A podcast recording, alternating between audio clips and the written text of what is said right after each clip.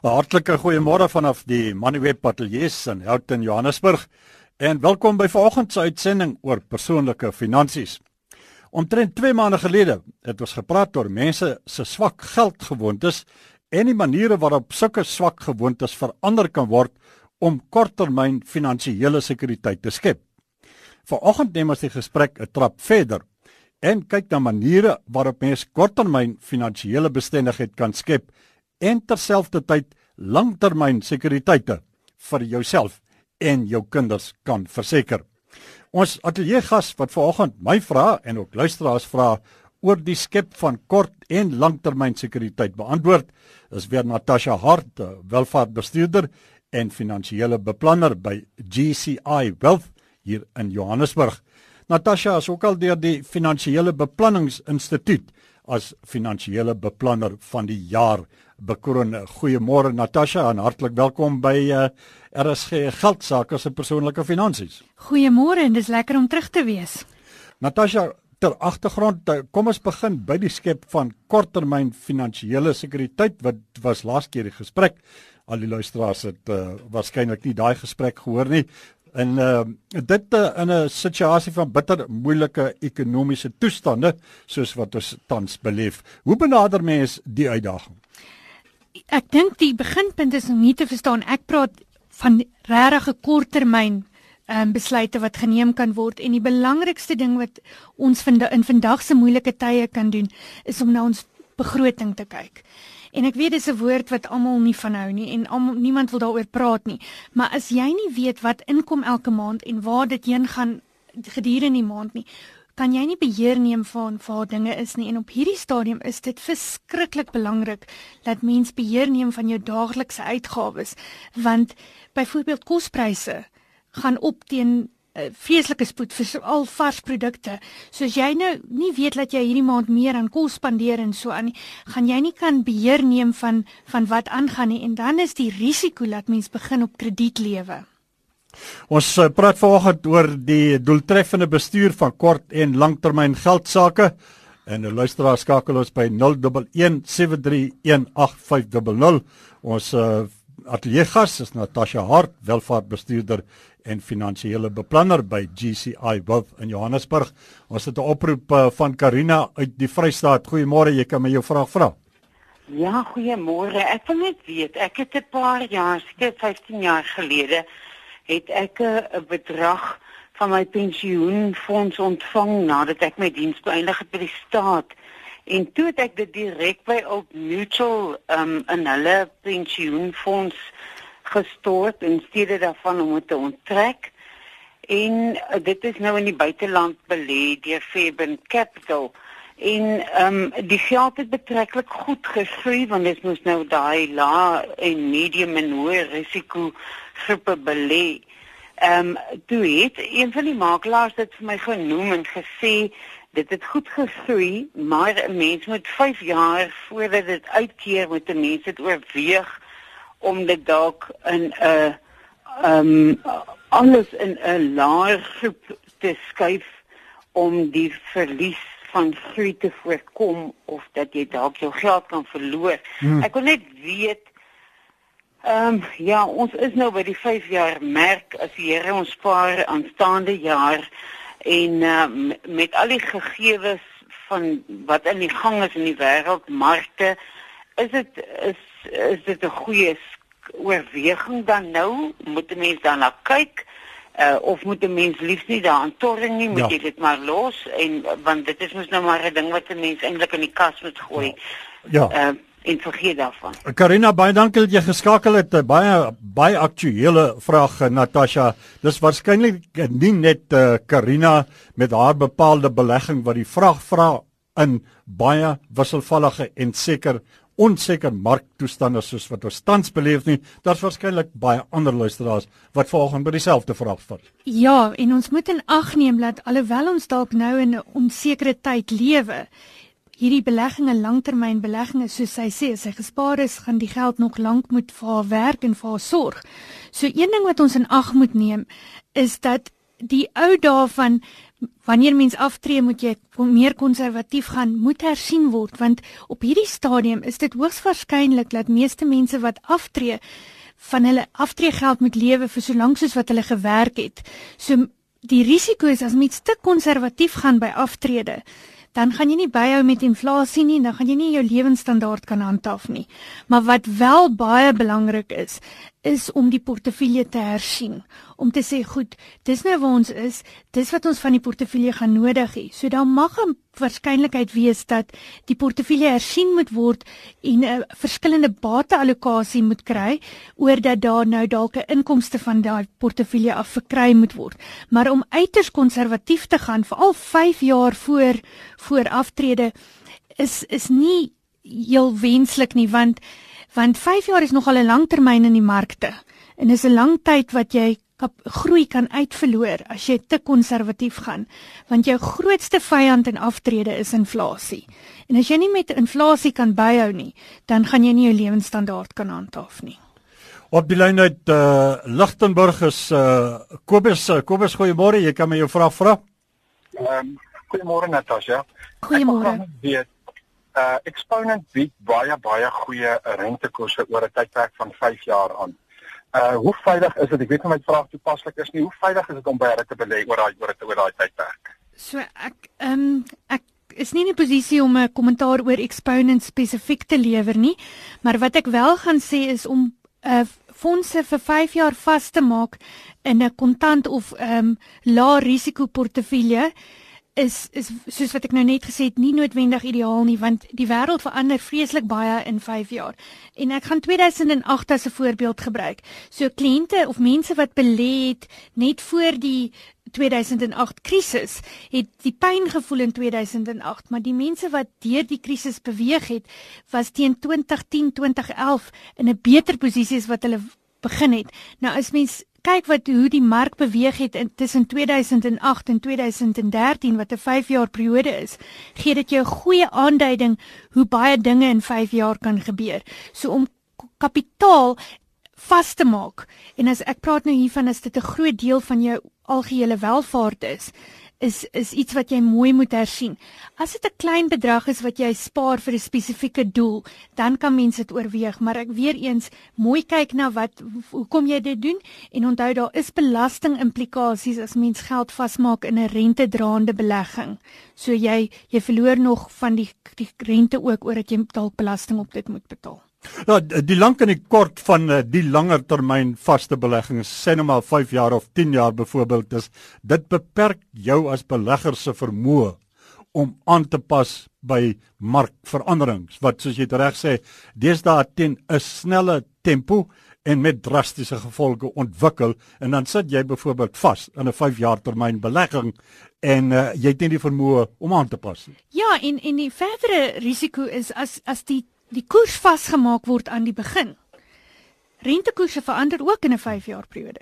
So as as rentekoerse opgaan in daai 5 jaar periode en jou koers is vasgemaak soos vandag wanneer jy die geld belê, kan jy nog op rentekoers ook uitverloor. So dis nie net kapitaale groei nie. So mens moet baie mooi dink voordat jy jou geld vasmaak vir 'n 5 jaar periode en jy moet verstaan hoekom jy dit doen en of dit van toepassing is vir jou behoeftes. Ons uh, praat vanoggend persoonlike finansies. Uh, ons fokus op die doeltreffende bestuur van kort uh, en langtermyn geldsaake met die doel om korttermyn en langtermyn sekuriteit vir jouself en jou kinders te verseker. Ons uh, het in 'n vorige gesprek baie ligweg geraak uh, Natasha aan sewe stappe wat jy geïdentifiseer het oor wat mens kan doen om uitgawes te besnoei. En kom ons vat hulle kortlik saam so een vir een dis nou veral met die oog op hierdie korttermyn uh, finansiële bestuur. Ja, so die rede hoekom ek hierdie geïdentifiseer het is eh, daar's 'n gesegde wat sê dis die sente wat die rande maak. En as mens bietjie kan spaar hier en daar, kan dit op die einde 'n groot verskil maak op jou maandelikse uitgawes. So die eerste een wat ek voorstel is dat mense hulle korttermynversekering hersien. Ons is geneig om net te sê, "Goed, ek het versekerings, ek weet wat ek betaal, ek weet ek is gedek," maar kyk mens na wat is op daai skedule. Waarvoor betaal jy? Ehm um, toe ek myne hersien het, het ek uitgevind dat ek vir 'n uh, spesifieke uh, item betaal wat ek jare al nie meer het nie, want ek het dit as 'n gespesifiseerde item gehad. So dis belangrik om dit te hersien. En dan die ander ding wat mens kan in ag neem wat nou nie vir almal van toepassing sal wees nie, is mens kan onderhandel met jou versekeraar dat as jy jou premie aan die begin van die jaar as 'n lompsom betaal, dan kan jy afslag kry. Wat dan weer eens, dis een betaling en dit verlig dan jou maandelikse kontantvloei as dit vir jou uh, bedoel is. Die tweede een wat ons na kyk is is 'n uh, is 'n uh, bietjie van 'n penarie, maar dit is bankkoste. Weereens maak seker dat jy die regte rekening het. So verskeie banke het verskillende produkte vir verskillende mense. So byvoorbeeld daar's baie voordele vir bejaardes, maar maak seker dat jy met jou bank gaan praat en vir jou bank sê, "Goed, ek is nou so oud, is ek in die regte rekening? Is daar 'n rekening waar ek 'n voordeel kan kry? Is daar voordele as ek 'n minimum balans handhaaf dat ek nie bankkoste betaal nie?" Al daai goed is belangrik om te weet en dan die ehm um, ander ding wat met bankkoste aangaan is die koste van kredietkaarte en krediet. So ek sê nie 'n kredietkaart 'n slegte ding nie, maar ek sê ook mens moet mooi kyk. Daar's 'n geneigtheid tussen party mense om meer as een kredietkaart te hê en dis nou waar dit begin duur raak as mens nou onnodig kredietkaarte het en op krediet lewe. So daar's 'n goeie manier waar mens kan geld spaar. En dan die volgende een is ehm um, loyaliteitsprogramme. Nou 'n goeie loyaliteitsprogram kan vir jou wêrelde beteken. Maar weer eens, verstaan wat kry jy vir daai program en maak seker dat wat dit jou kos om aan daai program te behoort, nie meer is as die voordele wat jy uit die program kry nie. En maak seker dat wanneer jy by 'n loyaliteitsprogram betrokke is, dat jy verstaan wat jy moet doen om die voordele te tref en dat jy dit benut en as jy dit nie meer doen nie, raak eerder ontslaaf want daar is gewoonlik 'n koste aan verbonde om by 'n loyaliteitsprogram te wees. Die loyaliteitsprogram uh, vir al die Engelse woorde is al redelik bekend en dit is nou die een van hierdie rewards wat jy kry waar jy nou 'n kaart het en dan gaan koop jy en as jy X bedrag uh, se goed te koop dan kry jy 1% afslag en as jy by 'n ander plek by 'n garage gaan petrol ingooi, dan kry jy sommer 5% afslag en nog 'n klomp ander van hierdie goeder se uh, ander uh, kwessies uh, Natasha waarna mense kan kyk.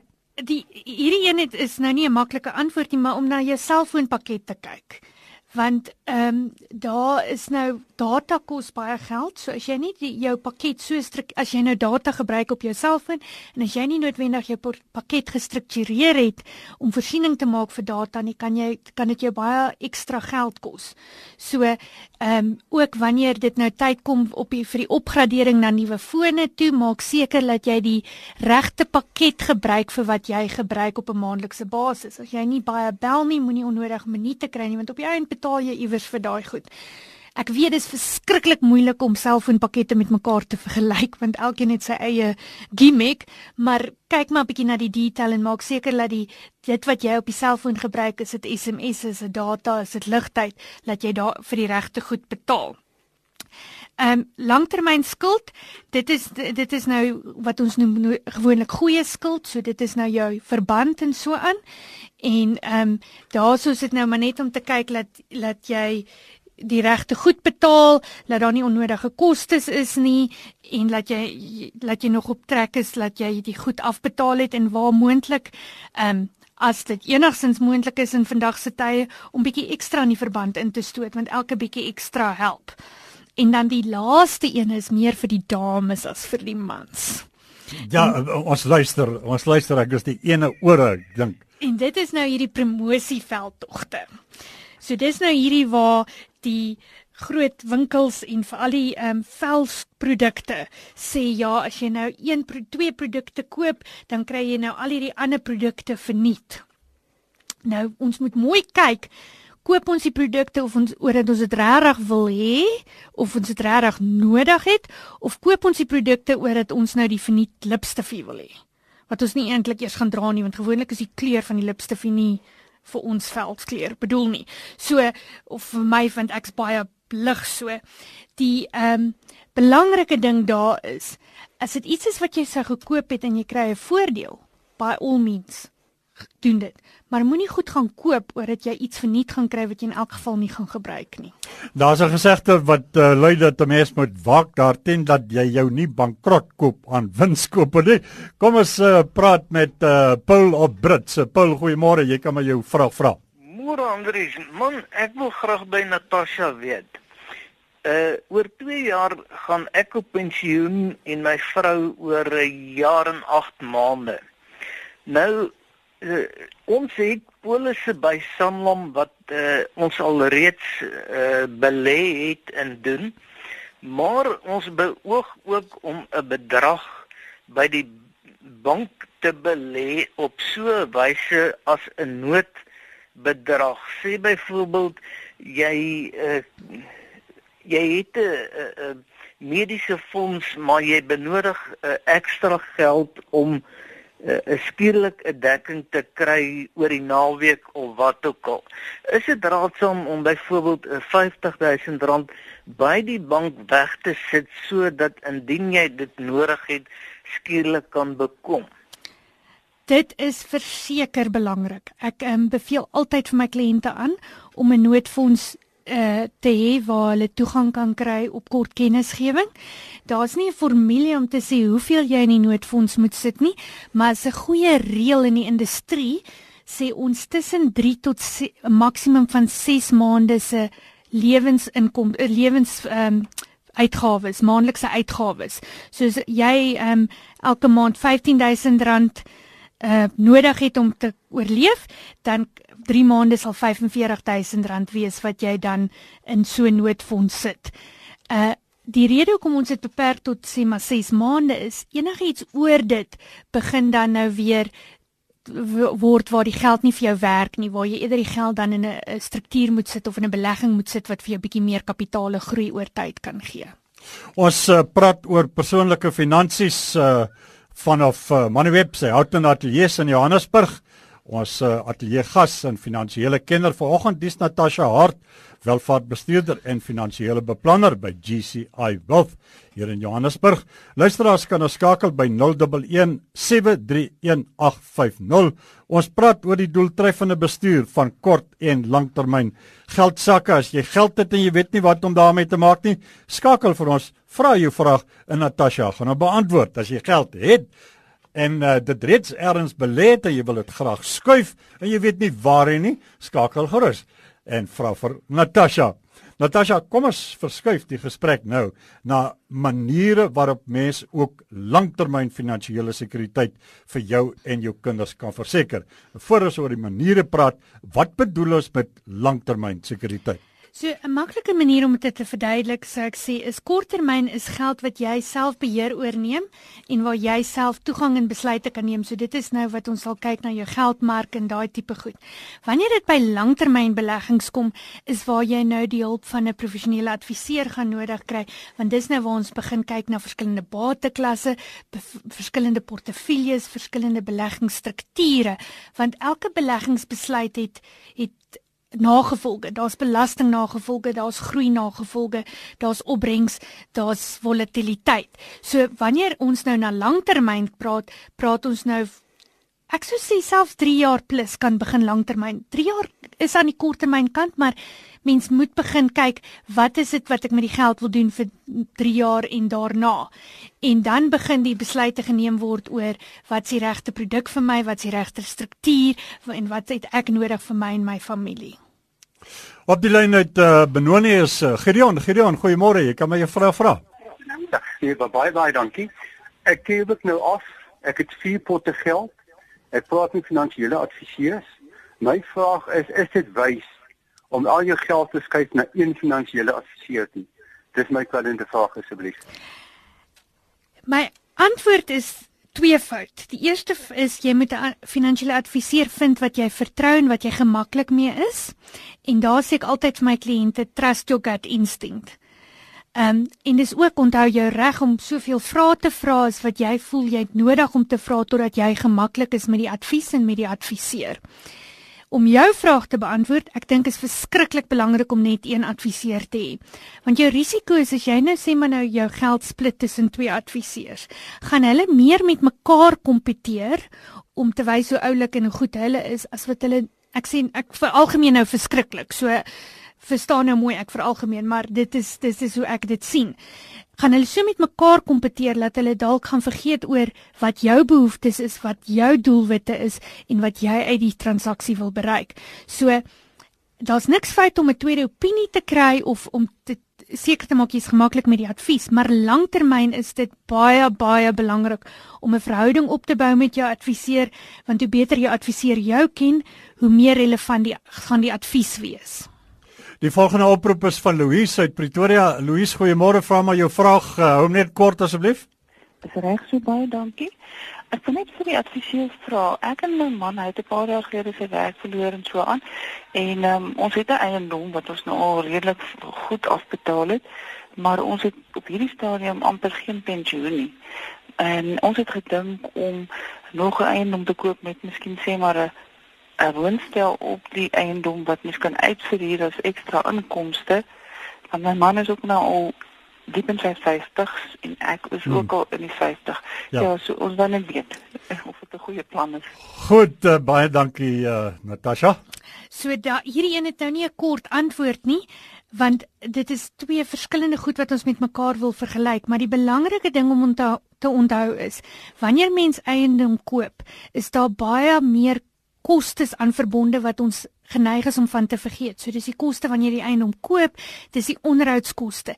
En die ander ding om in ag te neem is kan mens dit bekostig as daai eiendom nie huurders in het nie want dit is waarskynlik dat deur die periode van jou wat jy die eiendom besit daar tye gaan wees wat jy nie huurders in die eiendom het nie en dan iets wat mens vir jouself moet oordink is As ek nou eendag oud is en ek het nou nie meer lus vir 'n huurder wat my op 'n Saterdagmiddag bel want die geyser het gebars nie.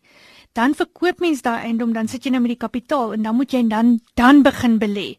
So mens moet net mooi kyk dat jy dit vir die regte redes doen. Natasha, as dit die uh, maklikste vraag het, is vir heel laaste gelos, dis die een oor eiendom. Veroorsaak uh, partykeer baie kopseer, maar klink tog uh, van tyd tot tyd tog 'n uh, aantreklike opsie. Ongelukkig, dis wat die tyd ons inhaal vanoggend. Uh, baie dankie dat jy kom saam kuier het. Uh, gee vir ons jou kontak besonderhede as uh, luisteraars jou miskien uh, met 'n uh, verdere vrae wil skakel of kontak. Uh, so my e-pos is natasha n a t a s j a @gci www.co.za en die kantoornommer is 011 768 1022. Kan net weer vir ons die e-pos asseblief? Natasha met 'n j @gci.co.za. Natasha, baie dankie dat jy kom kuier het. Voorspoed tot ander dag. Dan praat ons oor geld sake. Baie dankie. Mooi bly.